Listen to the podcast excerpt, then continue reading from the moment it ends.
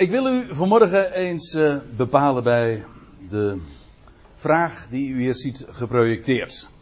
Bidden en vragen, ja, om wat eigenlijk? En de vraag vind ik ook heel logisch en voor de hand liggend. En eigenlijk heb ik hem zelf ook min of meer uh, lange tijd ook wel gehad. Vooral als je dan eenmaal tot de ontdekking bent gekomen vanuit de schrift dat God ons in Christus, ons, ik bedoel wij die mogen geloven en Hem mogen kennen, ja, dan, dan ga je ontdekken dat we gezegend zijn. Ik citeer maar eens wat uit uh, Efeze 1, waar Paulus schrijft dat, uh, dat we gezegend zijn met elke geestelijke zegen te midden van de hemelse in Christus Jezus. Alles bezitten wij. In Hem. En alles wat Hij heeft ontvangen, wij verbonden met Hem als hoofd en lichaam, bezitten net zo alles. Dus, hoezo? Wat is er dan nog te vragen? Dan zou je kunnen zeggen van ja, wat de aardse omstandigheden betreft, is daar toch reden om te bidden. En zelfs daar heb ik zo mijn twijfels bij. Ik zeg het voorzichtig. Want is dat zo? Ik bedoel, wij bidden vaak om dingen waarvan ik denk van, hoezo vraag je daarom? Want God heeft het op voorhand ons al beloofd, of zeg, zelfs aangezegd, of al gegeven. En dat is toch vreemd, hè? om iets te bidden, om iets wat je al hebt ontvangen. Heer, wilt u mij vergeven? Nou, citeer ik het even, hè, wat veel mensen dan toch vragen. En dan denk ik ook, hoezo wij weten, wij hebben, weer Efeze 1, wij hebben de vergeving. Dus als je dat, als je weet dat dat je bezit is, hoezo zou je daar dan nog om bidden? Dat is net zoiets als dat je op, aan tafel zit. Hè? De tafel staat vol met eten. En ze, zullen we bidden voor het eten? dat daar staat. Ik begrijp het wel hoor. Uh, maar het is toch vreemd. Trouwens, de Bijbelse gedachte is ook dat je voor de maaltijd dankt. Dat is eigenlijk ook heel logisch. Als dat eten gegeven is, dan dank je hem daarvoor. En dankzeggend wordt het gezegend. De zegen is juist gelegen in het feit dat je hem daarvoor dank zegt. Een gezegende maaltijd is dus geen lekkere maaltijd. Dat kan wel, trouwens. Heel goed. Ik zie niet in waarom dat niet zou kunnen, maar. Maar een gezegende maaltijd is een maaltijd waarvoor je hem dankt. In dat besef. En dat geldt eigenlijk voor alles. En, eh, en dan zegt, ik citeer weer de apostel Paulus, die dan in de Filipijnse brief zegt dat mijn God zal in al, uw beho in al uw behoeften naar zijn rijkdom heerlijk voorzien. Dus op voorhand wordt daarbij de garantie gegeven dat in alles wat we nodig hebben, in al onze behoeften, voorzien zal worden in alles wat hij, begrijp maar goed hè, niet in alles wat wij vinden dat wij nodig hebben. Daar hebben wij helemaal vaak geen, geen idee van en daar hebben we geen kaas van gegeten. Daar zijn we te klein voor om dat te kunnen overzien. Maar hij weet wat wij nodig hebben. In dat hele plan wat hij aan het ontwikkelen is. Aan het, om het eventjes modern te zeggen, aan het uitrollen is. Hij weet wat we nodig hebben. En hij voorziet in al onze behoeften. Hij geeft ons alles wat nodig is. En dan denk je, ja, dat is ook weer zo'n reden om te danken. Elke dag. Heer, dank u wel dat u dat allemaal geeft. Ik heb dat nodig. Of ik, ik weet, of u weet wat ik nodig heb. En dank u wel dat u dat ook aan mij geeft. Aan ons geeft. Ook weer dus, waarvan mensen dan zeggen van, ja, dat is een reden om te bidden. En ik zou het liever dan van de andere kant willen benaderen. Als God het ons van tevoren belooft en aanzegt, of dat het al ons bezit is, ons geestelijk bezit, dan is dat toch een reden om Hem daarvoor te danken. Nou, waarom zeg ik deze dingen? Goedemorgen, bezoek uit Haarlem. En omstreken, ja. Welkom. Maar dat maakt de vraag die hier dus geprojecteerd staat, des te duidelijker, lijkt mij. Want als wij dus eigenlijk alles al bezitten, waarom zouden we dan nog überhaupt bidden? Dan is er eigenlijk dus alleen nog maar reden om te danken. Zoals Paulus ook zegt, overvloeiende in dankzegging. Niet alleen vervuld ervan zijn, maar overvloeien. Want ja, dat is zo'n totaal ander perspectief. Dat maakt ook heel erg blij. Danken maakt altijd blij. Trouwens, als je dat woord in het Grieks ook ontleedt, dan blijkt ook dat dankzegging alles te maken heeft met vreugde. Dankzegging ontketent de vreugde in je. Want het, het, het bepaalt je bij, bij, bij het inzicht en bij het feit dat Hij dat allemaal in overvloed aan ons geeft. Nou, dus vragen wij, hoezo zouden we dan nog bidden? Om wat? Om onze behoefte? Om dat wat ik nodig heb? Maar dat heb ik al. Om geestelijke zegeningen? Maar dat heb ik net zo. En toch. Ik, nee, laat, ik er nog één dingetje aan, toevoegen. Nog één ding. Uh, je leest van, Paul, uh, van, de apostel Paulus in de tweede Korinthebrief dat hij een keertje gebeden heeft om aardse omstandigheden. En wat dat precies is geweest, dat is nog even dat is een andere vraag. Maar dan lees je in, dat Paulus last had voor, van een doorn voor het vlees. Hij verklaart dat ook, maar laten we het eventjes vaag houden. Een doorn voor het vlees. En, en, en dat is een, die doorn dat is een pijnlijke scherpe punt. Dat deed hem pijn. Nou, wat, wat doe je? Als iets je pijn doet, voortdurend. Hè? Een boodschapper van de tegenstander die hem met vuisten sloeg, lees je. Oké, dat is misschien ook wat cryptisch, maar dan, maar dan nog. Wat doe je dan? Als iets je zo tergt, als je iets je zo pijn doet, dan, dan bid je toch, Heer. Nou, dat is precies ook wat Paulus gedaan heeft. Hij zegt, ik heb de Heer tot driemaal toe gebeden, kennelijk zeer krachtig, tot driemaal toe, dat, die, dat, dat, van, dat, dat ze ophouden. En weet je wat, wat hij als antwoord kreeg? Mijn genade is jou genoeg. Dat wil zeggen, alles wat ik jou geef, dat is meer dan voldoende voor jou. Hoezo? Ja, kijk, het is heel logisch hoor. Het is heel menselijk. het is heel menselijk.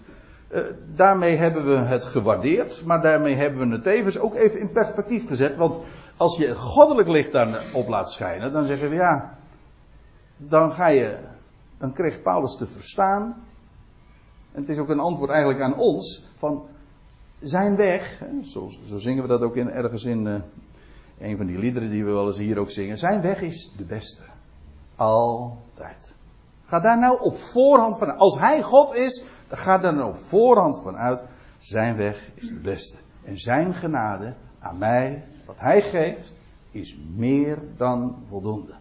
En dus, ook dan weer, ja, dan ga je danken. En dan lees je ook Paulus. Dus, want bij Paulus is het kwartje gevallen. Want hij, dan lees je, hij zegt nou, des te, ik zal des te meer roemen in zwakheden en moeite en lijden en benauwenissen. Hoe zegt hij het allemaal? Met andere woorden, als dat zo is, ja, dan zal. Oh ja, want er staat er nog bij van. Want mijn kracht, dat is wat de Heer eraan toevoegt. Mijn genade is jou genoeg. En mijn kracht hè, wordt in, in jouw zwakheid volbracht. Jij bent zwak, dat is geen probleem. Dat is juist het middel waardoor mijn kracht in jou gemanifesteerd wordt. Mijn genade wordt juist beleeft juist in, in jouw zwakheid. Die, die zwakheid is niet een probleem, het is in tegendeel het kanaal waardoor mijn kracht, mijn genade tot jou komt. Nou, als, dat, als je dat eenmaal gaat verstaan, dan ga je dus ook daarvoor danken. Dat is dus ook allemaal onderdeel van dat beste waarin dat hij met ons voor heeft. Zijn weg is de beste, de beste altijd. Dus ook dan weer danken. Dan is het heel opmerkelijk dat je in Paulus' brieven, ik beperk me even dan tot zijn brieven. Per slotverrekening, hij heeft toch het merendeel van de brieven van het Nieuwe Testament geschreven. In zijn brieven vind je een aantal gebeden. Ja, inderdaad, het is altijd dankzegging. Dat zullen we straks ook zien. En toch bidden en vragen speelt wel een grote rol. En keer op keer zul je ontdekken dat hij om iets heel bijzonders bidt. En dat geeft meteen ook antwoord. Er is wel degelijk reden om te bidden en te vragen. En waarom dan? Nou, daar gaan we het dus vanmorgen over hebben. Dat is eigenlijk een lange inleiding. Daarmee heb ik in ieder geval uh, deze, deze toespraak gerechtvaardigd, zeg maar. Van de vraag in ieder geval wat body gegeven. Laten we eerst eens even lezen. Want ik wil het gaan bespreken aan de hand van Colossense 1. En dan lezen we eerst eventjes de inleiding. Dat lijkt me handig om, om, om wat zicht te hebben. Ik lees het gewoon voor, zonder commentaar. Dan schrijft Paulus dit.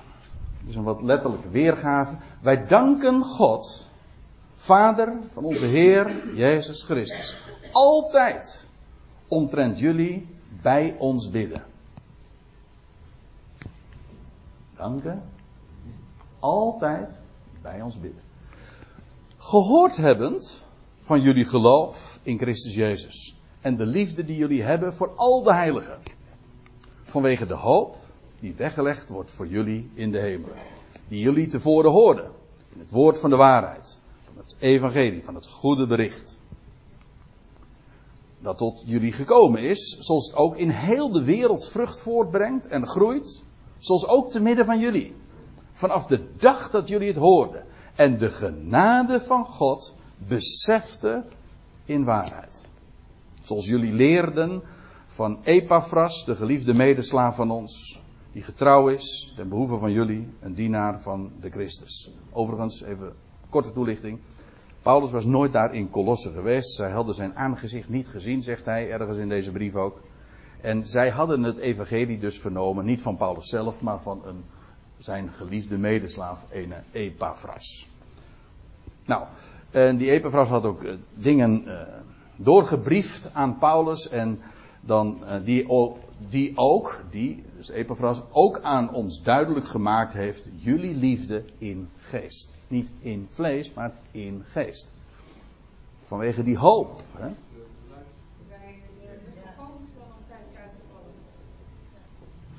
Is dat zo? Ik, ik, uh, hoor je mij? Hoor je mij? Test, test, test. Nog steeds? Nu is het toch goed? Oh, misschien is het dat, ja. Nou, er gaat even aan me gesleuteld worden, jongens. Er zit een draadje bij mij los, zeg maar. Ja. Dank je. Ah, ja, ik geloof dat ik nu wat luider klink. Klopt dat? Ja? Oké. Okay.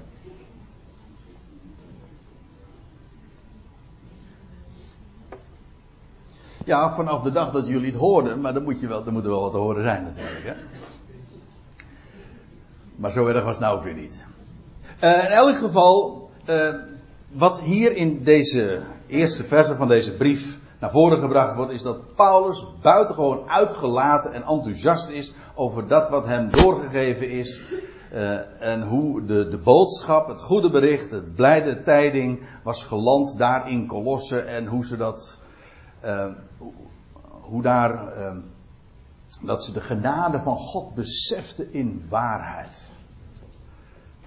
En ook hoe, het, hoe dat zijn werk deed. Hoe, men daar blij om was. En hoe ze daardoor liefde hadden voor al de heiligen. Afijn, dat wat we zojuist hebben gelezen. Paulus is zo enthousiast. En dan zegt hij, en dan beginnen we te lezen in vers 9. Heeft er iemand trouwens voor mij een, uh, nog even dus iets, uh, een, een klokje? Nee, want ik ben mijn horloge vergeten om te doen. En anders ben ik bang dat u hier om één uur nog zit. Oké, okay, dankjewel. Ja. Daarom, schrijft Paulus, dus om, om deze reden, om alles wat ik zojuist heb voorgelezen en waar de brief dus mee aanvangt, daarom houden ook wij niet op, vanaf de dag dat we dit hoorden, dus van, van die Epaphras, of via die Epaphras, wij houden niet op vanaf die dag ten behoeve van jullie te bidden en te vragen. Aha. Dus, Paulus, die man, die overliep in dankzegging, had toch iets te bidden. En te vragen, nou iets, hij hield niet op. Onophoudelijk bad hij en vroeg hij, waarom? En trouwens, dit vind je hier, maar als je in Efeze 1 leest, daar, daar vind je ook een gebed van de apostel. En daar vind je een soortgelijke bewoordingen. Ook dat eerst het enthousiasme over wat, wat daar gebeurde daar in Efeze. En, maar dan vervolgens ook dat onophoudelijke gebed. Waarna de vraag dus is, waarvoor dan wel? Nou, we lezen gewoon verder. Want het, het, zijn maar een paar versen die ik zo voor de aandacht breng, maar ze staan wel, ze zijn zo vol. Er staat zoveel in. Laten we gewoon daar eens een keertje nader aandacht aan geven. Gewoon vers voor vers, maar vooral zinsdeel voor zinsdeel. Woord voor woord soms. Nou, wij houden niet op ten behoeve van jullie te bidden en te vragen dat jullie vervuld mogen worden van het besef van zijn wil. En eerst waar ik even aandacht wil geven is dit. Dit woord het besef. En dat is wat je iedere keer terugvindt. Dat is meteen eigenlijk ook de eerste en vooral ook het, ik denk ook het belangrijkste antwoord meteen op de vraag: waarom bidt Paulus? Waarom vraagt hij God? Ten opzichte van die kolosses die alles hadden. Die de genade van God in waarheid hadden beseft. En die dus ook zich ervan bewust waren wat ze allemaal hadden. Nou, hoezo dan bidden? Nou, dat jullie vervuld mogen worden van het besef. Dit woord speelt een grote rol. In het Grieks staat hier het woordje epignosis. En dat, dat epi is een voorzetsel, betekent op of boven. En dat gnosis is het woord voor kennis. In, het, uh, in de vertaling, in de MBG-vertaling, hier bijvoorbeeld wordt het in de MBG-vertaling vertaald met rechte kennis. Het is meer dan kennis. Het gaat eigenlijk de kennis te boven. Eigenlijk zegt dat het woordje epignosis wil eigenlijk zeggen, het gaat de kennis te boven. Het louter weten gaat het te boven. Het, het, is daarop, het is er wel op gebaseerd, op gebaseerd, op kennis. Dus het veronderstelt kennis. Maar het, het is meer. Het is niet alleen maar weten dus. Vandaar ook dat je in de MBG wordt het dan weergegeven met erkenning. Dat is ook meer, dat is meer dan kennen. Het is erkennen of herkenning. Rechte kennis of volle kennis.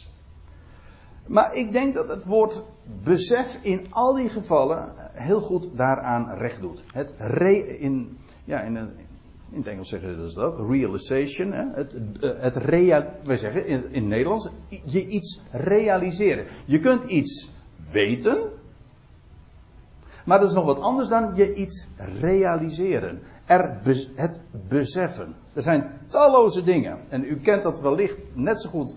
Uh, u, u, kan daar wellicht net zo goed uh, voorbeelden van geven. Hè, dat je dingen al, al, lange tijd wist. En dat er een moment ineens komt. Als een lichtflits. het kan zomaar namelijk een hele plotselinge ervaring zijn. Dat het kwartje valt. Zoals, zo noemen we dat dan. Dat je ineens. Ah, dat was het. Altijd al geweest. Ik heb Bijbel, er zijn Bijbelpassages die ik al lange tijd kende. En die pas op een bepaald moment ging ik beseffen. Joh, waarachtig. Dat staat er. En, en dat is nou precies het verschil tussen weten en beseffen. Ah, dat is het. En op dat moment gaat die kennis zijn werk doen als alleen maar weten, dat is nou, in feite nog alleen maar theorie. Maar op het moment dat je het gaat beseffen, ja, dan wordt het, dan wordt het, dan gaat het echt zijn werk doen in je leven.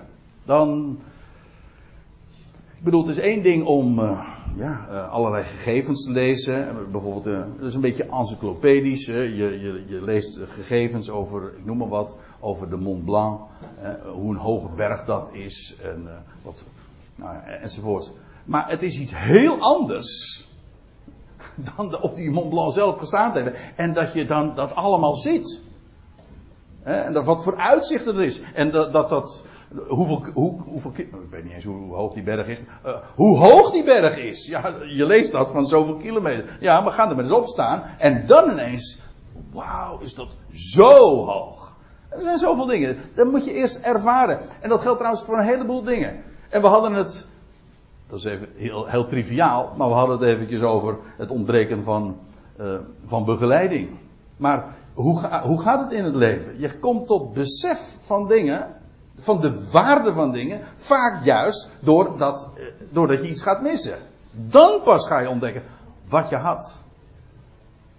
Hoe, nou, ik, ik, eh, als ik bijvoorbeeld alleen maar het woordje gezondheid noem, dan weet u meteen wat ik bedoel.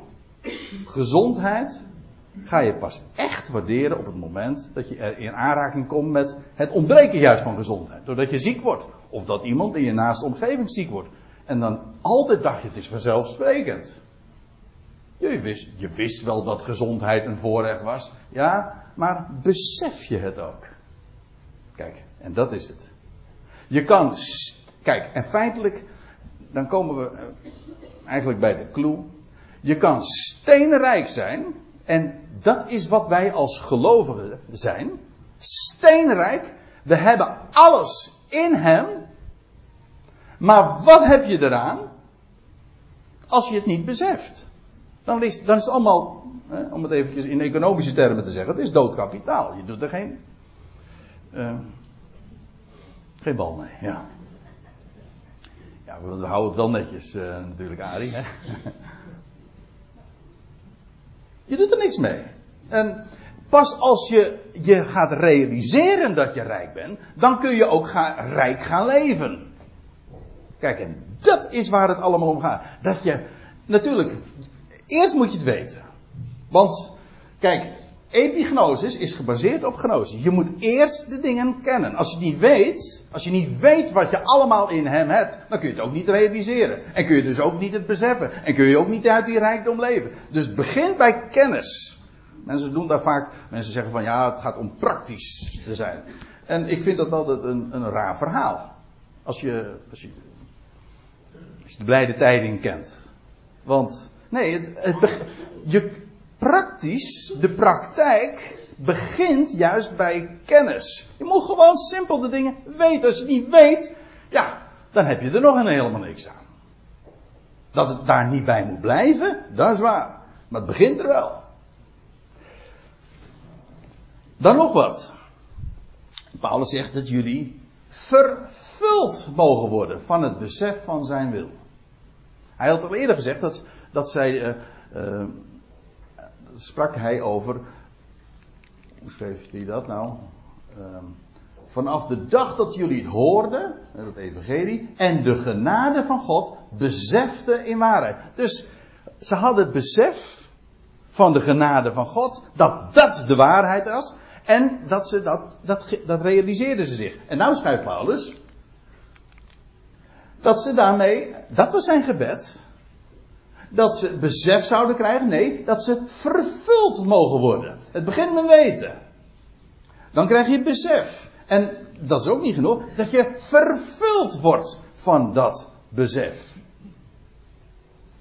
En ik heb zo'n zo'n opwaartse spiraal hier getekend. Het is namelijk, het is ook, het is maar niet, iedere, niet één doorgaande lijn. Het is ook iedere keer weer eenzelfde rondje draaien maar niet in de zin van een gesloten cirkel. Want dan eindig je iedere keer weer daar waar je begon. Dat, dat schiet niet op. Nee, het is inderdaad wel iedere keer dezelfde dingen horen, bijvoorbeeld, en, en je vertrouwd maken met de, met de waarheid van zijn woord. Jawel, en iedere keer kom je daar weer op terug, maar iedere keer op een hoger niveau brengt het je. En dat is het mooie. Dat is, dat is die geestelijke ontwikkeling. Weliswaar kom je steeds weer in aanraking met diezelfde woorden. En steeds neemt, uh, je neemt ook weer mee dat wat je, de, wat je in voorgaande rondjes, zeg maar, hebt geleerd. En zo word je vervuld. Dat jullie vervuld mogen worden. Het is trouwens, dat is in een passieve vorm, hè, staat dat. Dat jullie vervuld mogen worden. Dat is niet, dat is geen mensenwerk. Maar dat je, dat doet hij. Dat zullen we straks ook nog wel zien. In alle wijsheid, zegt Paulus er dan nog bij, en geestelijk inzicht. En dat woordje wijsheid, Dat is het Grieks, u kent dat waarschijnlijk. Gnosis kent u waarschijnlijk wel, maar het woordje Sophia ook. Al was het maar als meisjesnaam. Sophia. Hè? Ja, ik ga gewoon even doorpraten hoor. maar hij, hij spreekt over alle wijsheid. Dat is heel interessant. Want het is, als het mij vraagt, het schijnt wat omstreden te zijn, maar dat woord, Griekse woord Sophia is via via afgeleid van een Bijbels Hebreeuws woord. En dat is Sophim. En dat uh, komen we in het Oude Testament ook tegen. En dan wordt het vertaald met uitkijktorens. En dat vind ik zo mooi. Waarom? Omdat dat zoveel licht werpt op wat wijsheid is. Kijk, inzicht, geestelijk inzicht, is één ding. Maar wijsheid, dat is ook weten hoe de dingen in elkaar steken. Maar wijsheid, dat geeft je overzicht. Ook uitzicht. Zodat je het geheel gaat bezien. Kennis en, en inzicht is één ding, maar dat je in alle wijsheid, dat je wijsheid ontvangt en uitzicht daarmee op die geweldige toekomst. Ik zal het straks ook laten zien. Die geweldige toekomst die God uh, voornemens is te realiseren. En dat, je, en dat je het geheel gaat overzien. Dat is wijsheid. Dat, dat, dat je het verband tussen alles gaat ontdekken. Dat vind ik een hele mooie uh, idee ook van, van wat wijsheid is. Dat je de verbanden gaat zien. Hoe de dingen allemaal ge, geconnect zijn. Hoe ze, hoe ze uh, zich tot elkaar verhouden. En dat je het grote plaatje, het grote geheel gaat zien. En daarmee ook uitzicht krijgen. Van, van inzicht zou je nog kunnen zeggen dat is, dat is weten hoe iets specifieks in elkaar steekt. Ja, maar wijsheid heeft te maken met het perspectief, het panorama, het uitzicht dat je hebt. En daarmee feitelijk ook hoop, hè? want uitzicht, dat, dat is hoop. Ja, dat zijn geweldige, dat zijn geweldige begrippen. En dat is waar Paulus voor bidt. Vervulling van besef. In alle wijsheid, geestelijk inzicht. Eh, trouwens even nog dit. Hij zegt van het besef van zijn wil in alle wijsheid en geestelijk inzicht. En dan neem ik u even mee naar Efeze 1.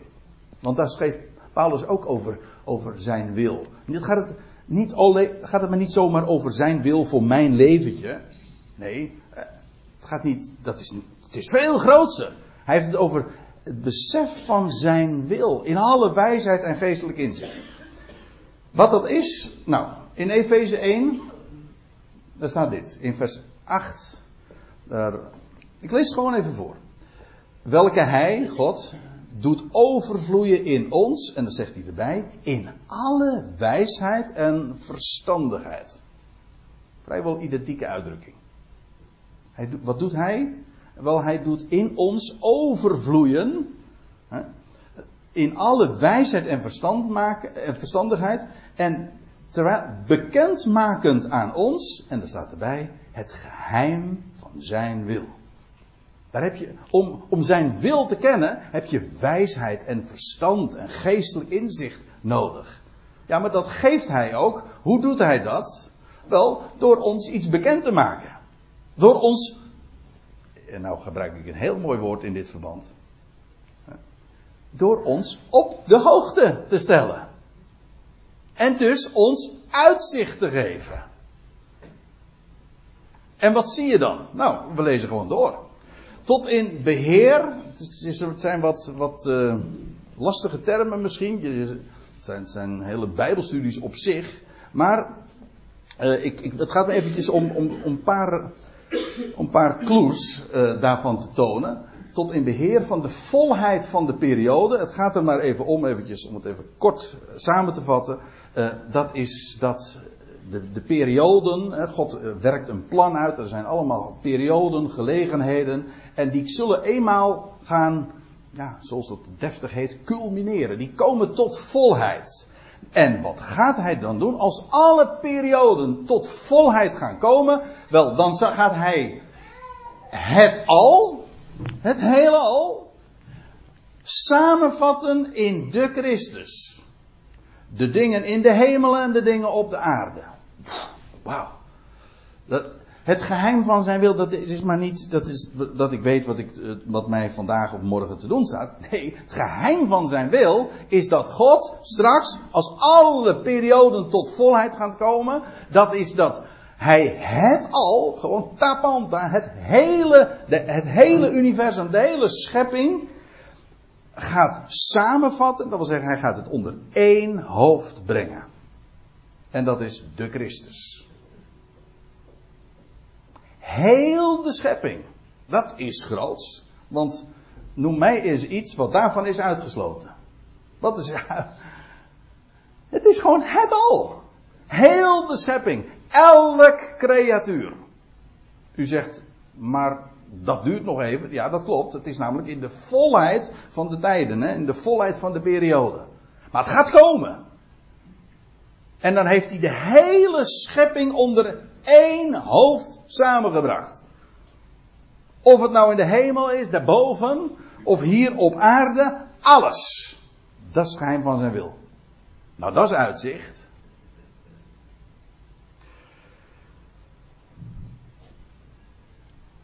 Ik lees even verder. Vers 10. Nog steeds dat gebed van Paulus. Besef, vervuld dan worden. wijsheid, uitzicht geestelijk inzicht. En dan staat erbij, om de Heer waardig te wandelen.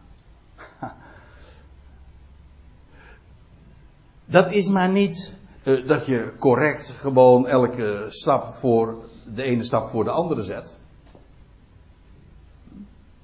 Ethisch correct. Dat heeft er niets mee te maken. Nou, niets. In ieder geval, het is, dat is zo. Uh, als je het zo opvat, heb je het zo geminimaliseerd. Zo, het is zoveel groter. Om de Heer waardig te wandelen. Let op dat woord waardig. Daar, wat zit het, dat, daar zit het woordje waarde in. Je kunt alleen maar de Heer waardig wandelen als je de waarde van Hem kent. Toch? Als je Hem weet te waarderen. Maar dat, ook daar is het weer eerst noodzakelijk. Ik zei het al zojuist. Dat je eerst dingen weet. Dat je hem kent. En in dit geval ook dat je weet wat het voornemen van God is. Dat je dat uitzicht hebt op wat hij gaat doen en dat hij de hele schepping gaat samenvatten, zijn wil, dat je dat gaat beseffen. En dat is nodig om de Heer waardig te wandelen. Weet je waarom? En weet je, of laat ik het anders zeggen. Wat is zo'n waardige wandel? Dat is dat. dat gaat, dan gaat het niet om waar je je, je voetenstappen zet. Of hoe, of in welke schoenen. Nee, het gaat erom dat waar je ook bent, waar je ook loopt, hoe je ook, of waar je ook wandelt, dat je dat altijd doet in het besef, waarderend, hem naar waarde schattend. Dus het heeft te maken met de binnenkant. Die een waardige wandel is een wandel waarbij je beseft van wie hij is. Hem, hem waardeert. Dus dat, het is die waardige wandel, ik heb daar heel vaak al over gehoord, ook vanaf de preekstoel en in boekjes. En geheid dat er altijd gesproken wordt over ja, wat je wel en wat je niet mag doen. En dat is zo fout. Eh, ja, fout, ik bedoel in de zin van, daarmee heb je, sla je echt de plank mis. Alles in dit, deze passage gaat er juist om. Dat je vervuld bent, dus de binnenkant, dat je leven inhoud heeft. En dat je hem waar, op waarde kan schatten. En dat toekomstperspectief hebt. En dat je uitzicht hebt. En dat je het besef hebt. En zo in dat besef wandelt. Hem in alles zo te behagen. In alle goed werk vrucht voortbrengende. Dit is nog steeds, eventjes, voor de goede orde. Paulus is nog steeds een, geeft uh, antwoord eigenlijk op de vraag waar hij voor bidt en vraagt. Besef. En zodat we daardoor ook de Heer waardig kunnen wandelen, zodat ons, onze wandel, ons leven, zin en inhoud heeft. Echt inhoud. Vervuld daarvan zelfs. In alle goed werk vrucht voortbrengende. Wat, is, wat maakt werk goed? Nou, ik laat Paulus zelf even aan het woord. In dezezelfde brief. En dan bladeren we even door naar hoofdstuk 4. En dan staat er dit. Vind ik een mooi antwoord. Ik kan het niet mooier geven. Als je wil weten wat Paulus bedoelt, dan kun je hem het beste gewoon zelf aan het woord laten. En dan zegt hij dit. En alles. Wat jullie ook mogen doen, in woord of in werk, doet alles in de naam van de Heer Jezus. Dankende Vader God door Hem. Dat is wat werk goed maakt. Dat is dat wat, wat je handelen namelijk inhoud geeft. Dat je Hem in alles dankt. In alles. Of je nou iets doet, of dat je iets spreekt, altijd met het besef in de naam van de Heer Jezus. Van wie, beseffend wat die naam inhoudt. En daarmee ook God, de Vader, God is Vader, dankt. In hè, alles. Het is Colossense 3. Oplettend, heel goed. Ga ik, eh, voordat ik het op internet zet, nog even corrigeren. Nee, maar als het eh, in 4 vers 17 niet staat, dan, dan zeggen ze van die andere die zitten zelf bijbelversen te verzinnen. Dat soort kritiek moet je altijd zien te voorkomen. Maar goed, Colossense 3 vers 17. Ja, nou ik het uh, zie, denk ik, ja, dat is ook zo, ja. Uh, heeft hoofdstuk, heeft Colossense überhaupt 17, 4, 17 versen? Ja, het heeft 18 versen. Ja. Goed. Dus in alle goed werk vrucht voortbrengen. Ziet, dat woord vrucht is trouwens ook wel mooi, want dat laat ook zien hoe organisch dat is. Dat is, dat is geen mensenwerk. Dat, is, dat komt van binnenuit. En dat, het groeit ook. Het, je krijgt besef van dingen en daardoor, uh, dat brengt vrucht voort. En wat is die vrucht? Dat is goed werk. Dat is alles wat je doet. In alles wat je mag doen, Hem te danken. Ik, als, ik, als ik over zulke dingen door, doordenk, en als ik, terwijl ik het ook zo zeg, denk ik van, wauw, wat een, wat een leven. Dan zeg, dan, dat is, wij zijn al zo gauw tevreden. Uh, uh, hoe gaat het met je? Nou, gaat zijn gangetje. Hè? Het gaat wel. En we zijn al lang blij als we niet al te depressief zijn. Maar. Nou ja. Nee, begrijpt u wat ik bedoel te zeggen? We, we zijn.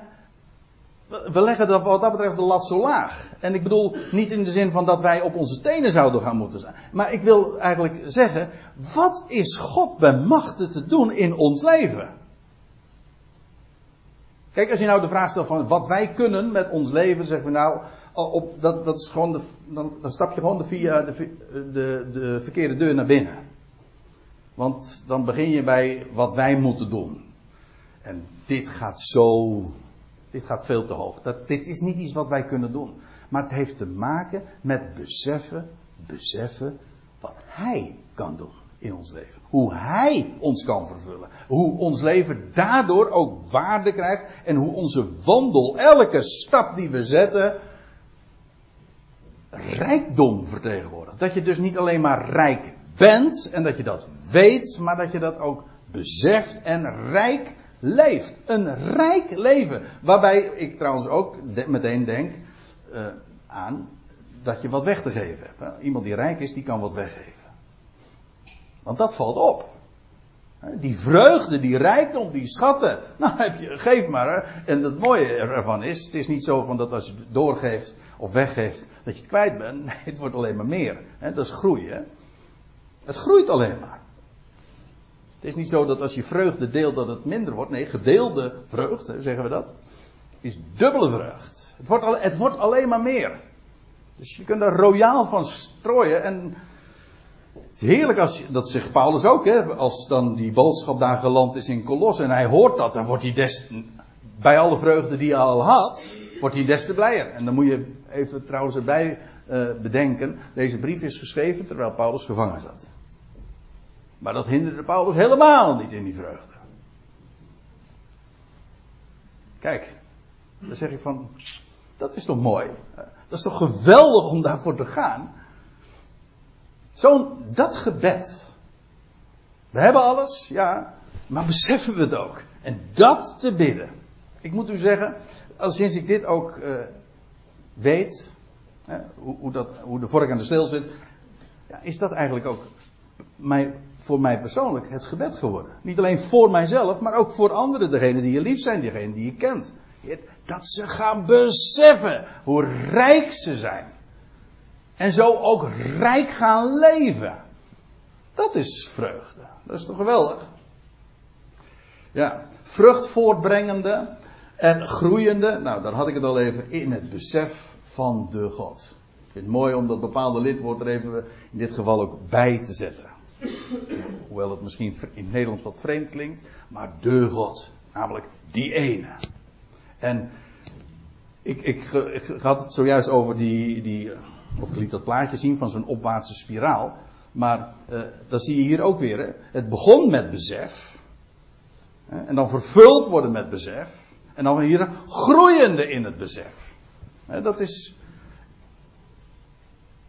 Het wordt steeds meer ja, het was vervuld van het besef in vers 9. Hier groeien in het besef. Dat kan dus ook nog. Je kan er vervuld van zijn. Ja, maar daar houdt het nog niet op. Kijk, we hebben het hier over wat God bij, bij macht is te doen in ons leven. En wat zijn woord, de transformerende kracht van zijn woord.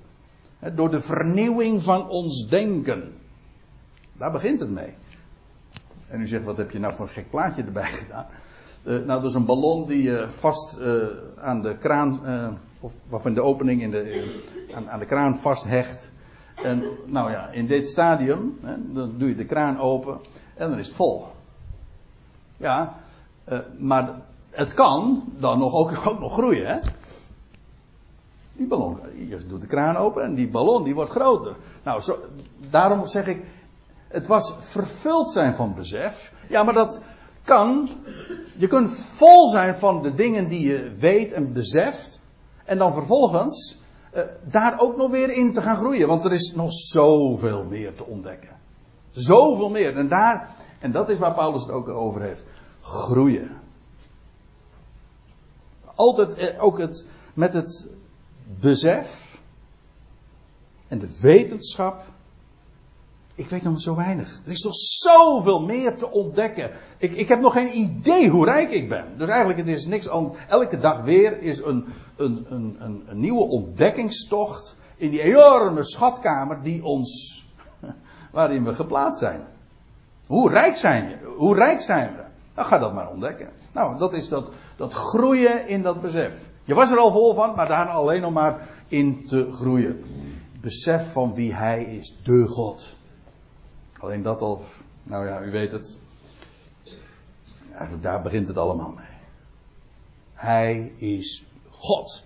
De God. Hij plaatst alles. Hij beschikt alles. Hij heeft een plan en hij gaat alles tot een goed einde brengen. Dat is het besef van de God. En dat betekent dus ook. Het gaat niet om ons leventje, maar ons leventje is erbij inbesloten. En dat heeft dus een dwingende consequenties gewoon voor ons leven. Dat betekent dus ook, alles in mijn leven geplaatst wordt. Dat wil ik. Heel de schepping is, heel de schepping is in zijn hand en plaatst hij. Dus ook natuurlijk mijn leventje. Maar zie je wel goed de verhoudingen. Het gaat niet om mijn leventje. Het gaat ook niet om zijn wil voor mijn leven. Het gaat om het grote geheel. En daar mag ik, als een klein schakeltje, als een klein creatuurtje, zo mijn plek innemen.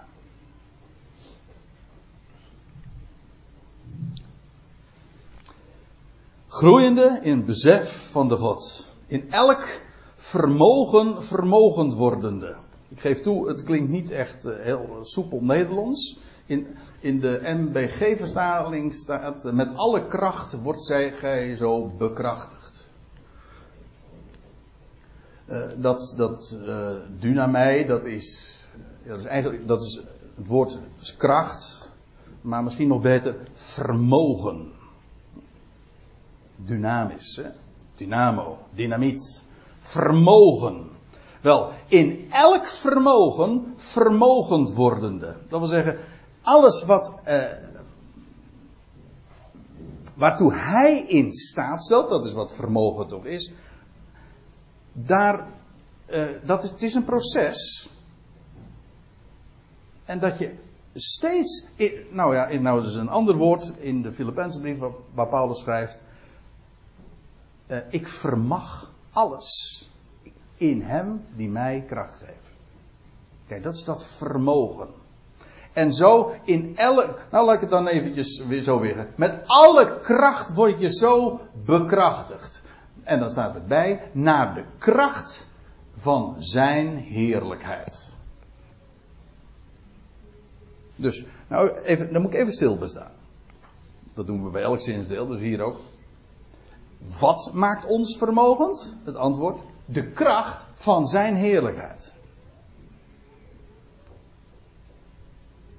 Dat is dus niet, dat is geen eigen werk. Het is hij, zijn heerlijkheid en de enorme power die daarvan uitgaat. Dat maakt ons vermogend. Maar ook in welke mate kunnen we vermogend worden? Nou, ook dat geeft, daar geeft deze zin antwoord op. Naar, of in overeenstemming met, of overeenkomstig, de kracht van zijn heerlijkheid. Dat is, we zeggen dan, the sky is the limit. Nou, wat is hier de limit? Dat is de kracht van zijn heerlijkheid. Hoe groot is zijn heerlijkheid? Zijn er grenzen? Hm? Nou, in die mate kan hij, zal hij, nee, kan en zal hij ons ook vermogen maken. Dan ziet u hoe essentieel het is om dan omhoog te kijken. Want die, dat vermogen ziet u niet bij uzelf hoor. En ook niet bij je buurman of buurvrouw. En ook niet bij, bij onze lieve broeders en zusters enzovoorts. Nee. Je, je kunt elkaar wel aanmoedigen. Daar kom je ook voor bij elkaar, niet? Maar daar, daar moet je wezen. Zijn heerlijkheid. Dat heeft kracht. Dat zal ons vermogen geven. En dat zal ons vermogend, steeds meer vermogend maken. Ik vind het geweldig om, om, om, om daarop te wijzen wat hij kan doen. Het passeert meteen ons eigen onvermogen. En ons eigen, kijk, wat hebben wij? Heerlijkheid van onszelf? Nee. Van onszelf? Nee. Ga maar na. Mensen die eerlijk zijn en en die, die gefocust zijn op zichzelf, op de mens, valt altijd tegen. Je kan niet zoveel, je stelt niet zoveel voor. Frustreert. Je had verwachtingen, het komt niet uit. Allemaal ongein heet dat. Dat is de mens. Kijk je nou hoog hè, naar hem, hm, de Heer, dan zie je vermogen. Dan zie je alles wat je nodig hebt, geeft Hij.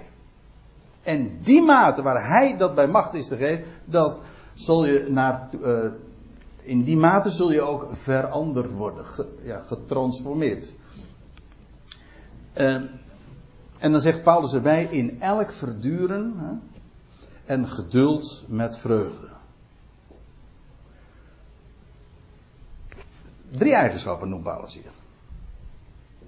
Het is dat zijn prachtige eigenschappen, maar dan zie je ook hoe praktisch dat dan vervolgens uitwerkt. Verduren. Verduren heeft te maken, in de NBG-vertaling wordt het vertaald met volharding.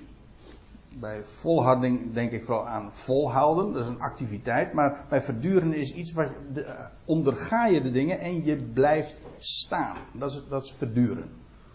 Je doorstaat het. En dat heeft altijd te maken met, met ja, negatieve dingen. Die, moeite, druk, lijden, noem maar op. Die je ondergaat. En dan dat te doorstaan. Wat dat vermogen waar Paulus het hier over heeft. En die kracht van zijn heerlijkheid. Wat werkt het uit? Nou, drie dingen. Verduren. En Paulus zegt elk verduren. Je gaat namelijk. Die kracht is. Het is zo vermogend. Het zorgt ervoor dat je de kracht krijgt om te doorstaan. De dingen die je overkomen. En noem, noem maar aardse omstandigheden, maar van, van moeite, maar ook ziekte, nou ja, druk, spanningen, gemis. Dat je dat doorstaat. Dat je er tegen bestand bent. Elk verduren.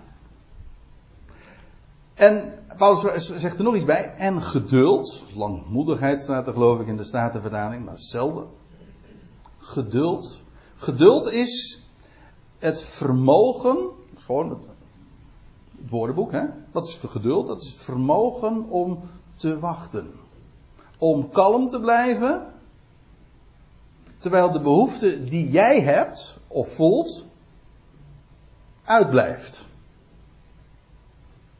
Dan heb je geduld nodig, toch? Je, je ziet naar iets uit. Je zou willen dat je iets zou hebben. Je, je hebt het niet. Je, je beleeft het niet. Ja, dus, dus moet je wachten. Toch? Je hebt het niet en je zou het graag willen hebben. En dan is het wachten. Nou, Paulus zegt, dat vermogen, dat stelt ons in staat om alles te verduren. In elk verduren. En ook, het geeft geduld. Het geeft je het vermogen om te wachten. Om rustig te blijven. En dan staat er nog iets bij, dan zie je het echt dat dit geen mensenwerk is. Dan zou toch de moed je al lang in de schoenen gezakt zijn. Als je deze begrippen verduren, zo, had ik het, zo had ik het, hadden we het vanmorgen ook kunnen aanpakken. Hadden we gewoon gefocust op verduren, geduld en vreugde. Mensen, hoe kunnen we dat nou bereiken? En dan krijg je van die power talk of pep talk of hoe heet dat. En, uh, maar allemaal van onderaf gebouwd. Maar dit, dat is dit niet. Dit is juist van bovenaf. Hij geeft vermogen de kracht van zijn heerlijkheid. En dat stelt ons in staat om te verduren. En geduld te oefenen. Te wachten, rustig te blijven. En dan staat erbij met vreugde. En dat is een onmogelijke combi. Naar de mens gesproken. Geduld, oké, dat vind je. Maar geduld met vreugde, nou, dat is een zeldzaam fenomeen. dat, je, dat je moet wachten en dat je, terwijl je wacht, blijven. Terwijl dat de dingen die uitblijven, die je graag zou willen, want dat is altijd waar geduld mee te maken, je zou het graag willen en dat je weet, het is goed, het is het beste en dus ben je blij. Dit is echt, dit kan alleen maar, uh, dat is, dat is, dat is geen, geen, geen tjaka-redenering van, uh, van je kan het. Want dat is. Dan, dat, is dat is nepvreugde. Dat is van, van je doet net alsof je blij bent. Nee, dit is echte vreugde. Waarom? Je weet, er is een God. De God. En hij plaatst de dingen. En als hij moeite en lijden en leed in mijn leven brengt, dan heeft dat altijd een bedoeling. Zijn, het is zijn weg. En als dingen uitblijven die ik graag zou willen, dat hij is degene die dat plaatst. En dus geeft je dat, geeft dat jou de kracht, het vermogen om te verduren en geduld te oefenen. En zelfs met vreugde. Waarom? Ja, nou ja, laat ik het, uh, laat ik het gewoon doorlezen. Vanwege dat uitzicht. Terwijl jullie de Vader danken die jullie bekwaam maakt. Dat moet je gewoon doorlezen. Terwijl jullie de Vader danken die jullie bekwaam maakt. Aha, dus dat verduren, dat geduld, dat. Um, wat was het nou? Uh, verduren, geduld en, en vreugde. Ja, hoezo, hoezo met vreugde? Wel, daar is een God. Die, hij is een vader. En hij voorziet. Hij zorgt. En hij is degene die jouw leven en deze hele schepping in zijn hand heeft. En bovendien, en nou komt er nog iets bij, dat ondergaan we niet voor niks. Dat geduld en, en dat verduren heeft altijd te maken met negatieve omstandigheden. Ja, maar dat traint ons juist. Al die ervaringen, die van verduren en wachten, die bekwamen ons Hij, God maakt ons bekwaam. Hoe doet hij dat? Wel, door dus alles wat we hebben te verduren en doordat dingen uitblijven die we graag zouden willen hebben. Hij traint ons. Dit, dit leven is een trainingskamp, om zo te zeggen.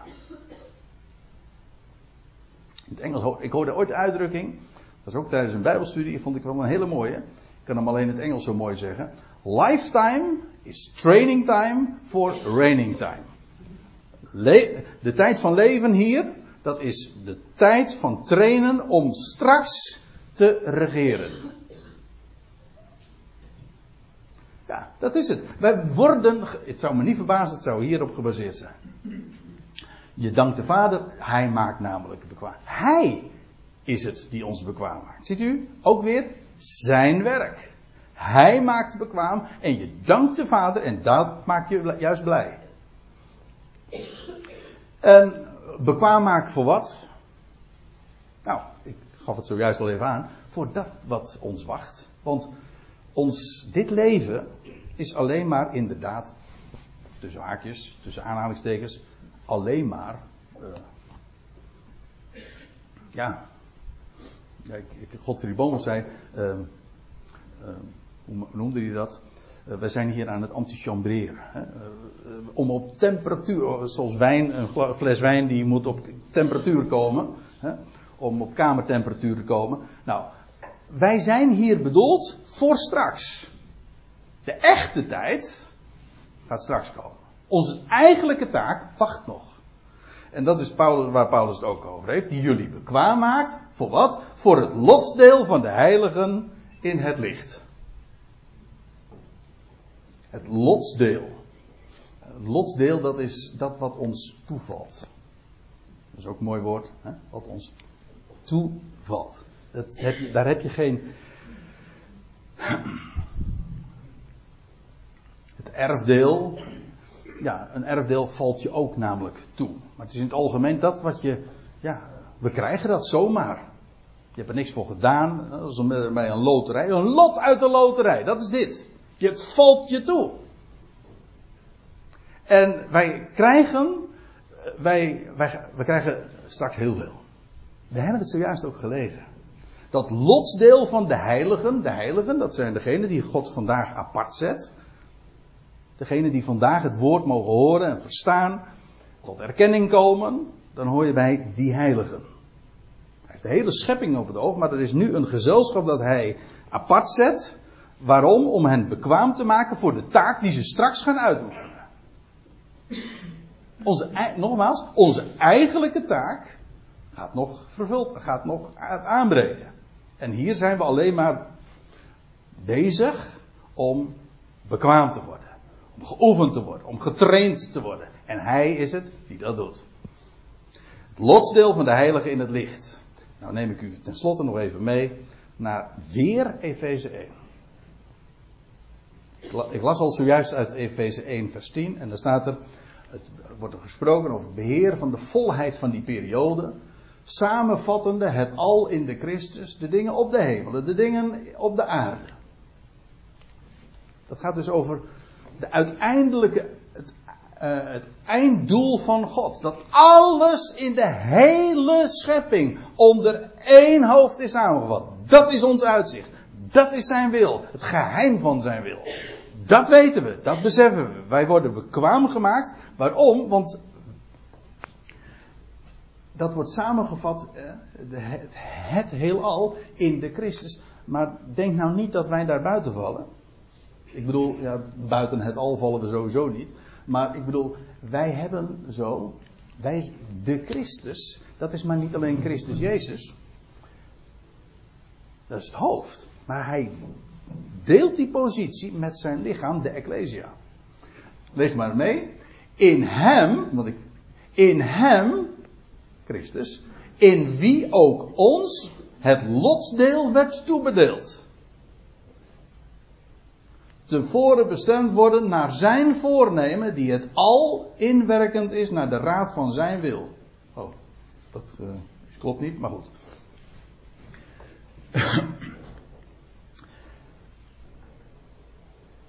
Hier dat lotsdeel. Hier ziet u dus, de Christus is degene die het al gaat samenvatten. En de Christus, dat is, daarin zijn wij betrokken. De Ecclesia. Dat gezelschap dat vandaag uitgeroepen wordt, apart gezet wordt, maar dat gaat straks delen om de hemel en de aarde daar te brengen waar hij het hebben wil. En dat is in hem, de Christus, in wie ook ons het lotsdeel werd toebedeeld. Dat is ons lotsdeel. Dat is hemel en aarde. Nou, dat strekt nogal ver, vind ik. Dat zult u toch met me eens zijn. Dat is namelijk het al. En wij krijgen die toppositie. U zegt, ik? Wij? Ik weet niet hoe, hoe eerbiedig u dat zegt. Dit zooitje? Dit gezelschap? Ja, dat is namelijk. En dat is. Dat is. Dat valt ons toe. Dus genade. Dat valt gewoon toe. En hij is degene die ook ons daarin, nu al hier op aarde in dit leven, daartoe bekwaam maakt. En dat betekent dus dat het allemaal zijn werk is. En we kijken omhoog en we kijken vooruit. En zo mogen we wandelen. En nu hoop ik u ook antwoord gegeven te hebben op de vraag: waartoe eigenlijk bidden we nog? Over aardse omstandigheden, daarvan zeg ik, of met de schrift in de hand. Dank God voor alles. Op voorhand. Hoef je, ik zeg niet dat je niet mag bidden. Zo bedoel ik het helemaal niet. Je mag bidden, als je bidt voor alles wat je. Eh, maak al je wensen bij het gebed en smeking bij God bekend. Geen punt. Maar met dankzegging. Waarom? Omdat je weet, al je behoeften worden toch voorzien. Eh, daar zal Hij in voorzien. Al die rijkdom in Christus is ons deel. Dus alleen maar dankzegging is daarvoor op zijn plaats. Maar bidden en vragen is wel degelijk van belang. Waarom? Zodat, ja, Paulus zegt dan, dat we verlichte ogen van het hart krijgen. Dat je het echt gaat zien, dat je het gaat beseffen. En dat je in dat besef elke dag van je leven mag wandelen. In die rijkdom. Rijk zijn en rijk leven. Daartoe bidden we en vragen wij.